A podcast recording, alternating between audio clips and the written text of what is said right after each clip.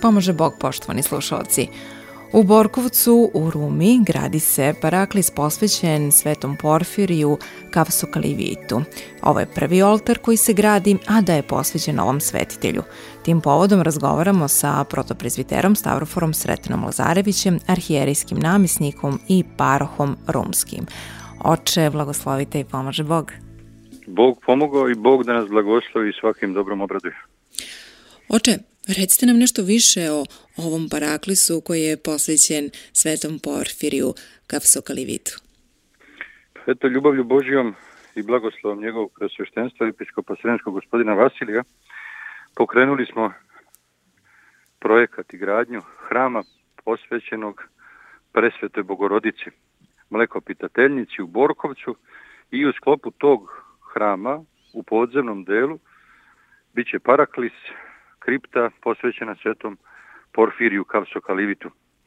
Porodica Dragišić koja je darivala zemljište za hram i sredstva značajna sa, koji smo već, sa kojima smo već pokrenuli gradnju. Uz Božiju pomoć učestvuje i dalje i evo trudimo se dakle da Bogu se molimo i da ovog svetitelja Božijega spominjemo u molitvama i od njega tražimo pomoći koji se projavio u ove nove dane praktično kome smo i mi savremenici i o nama. Pa možete li nešto više da nam ispričate o samom svetitelju kome je posvećen ovaj paraklis? Pa sveti Porfirije Kavšokalivit je svetitelj koji je upokojio se 1991. godine. Rodio se na Evi u Grčkoj, podvizavao se prvo kao izuzetno mlad na Svetoj gori, a potom je dugo godina službovao u bolnici e, na Omoni u centru Atine. Pomagao je mnogo ondašnjim bolesnicima i trudio se da zaista blagodaću Duha Svetoga divno zasija i da bude ono što svakom hrišćaninu se preporučuje, dakle svetilo svetu, onaj koji dalje objavljuje ljubav i lepotu Božju ukrašavajući svoj život potom posle Omonije, e, pred kraj njegovog života, kada je već e, obolio, vratio se sa onom željom koja ga vodila celoga veka na Svetu Goru i tamo se predstavio u gospodu gde je i u nedaleko od mesta njegovog i monašenja i podvižništva Kavsokalivije, zato se i zove Kavsokalivit. To je jedan predeo, naročiti deo gde se nalaze isposnice na Svetoj gori, Tako da i dan danas postoji tamo njegova isposnica, postoje mnoga svedočanstva, na mnogim mestima vrlo poštovan svetitelj širom Jelade, širom Grčke i kod nas u našim krajevima u Srbiji poslednje dane se prilično čuje za njega, za njegovu ljubav i njegovo divno svedočenje kroz jednostavno i objašnjavanje i život u duhu svetome i o blagodati Božije. On je toliko toga divnoga govorio i živeo i na jednostavan da- način nekoliko knjiga je već e, i pisano, prevedeno na naš jezik i upoznajemo se sa ovim svetiteljem koji toliko pomaže svojom jednostavnošću i lepotom i života i dakle u svemu učenja o onom sržnom, životnom u blagodati Duha Svetoga. Oče Sretene, e, da li se izgradnja Paraklisa privodi kraju? Pa mi Paraklis suštinski treba tek da krenemo da gradimo. Mi smo izgradili zvonik i preneli smo identičnu kopiju sa Svete Gore iz Posnice Svetog Save, kopiju ikone Mlekopitateljnice, blagoslovom uprave Svete Gore i Posnice Svetog Save. Prošle godine smo preneli ikonu ovde u Rumu i ona se čuva tamo u zvoniku, a Paraklis krećemo da gradimo oko Bogda na proleće, tu negde februar, mart, čim vreme bude dozvolilo, pripremamo ovaj, sve neophodne radnje da ako Bog da zakopamo što bi rekli prvi ašov pa i siđemo dublje u zemlju s obzirom da će biti ceo paraklis pod zemljom.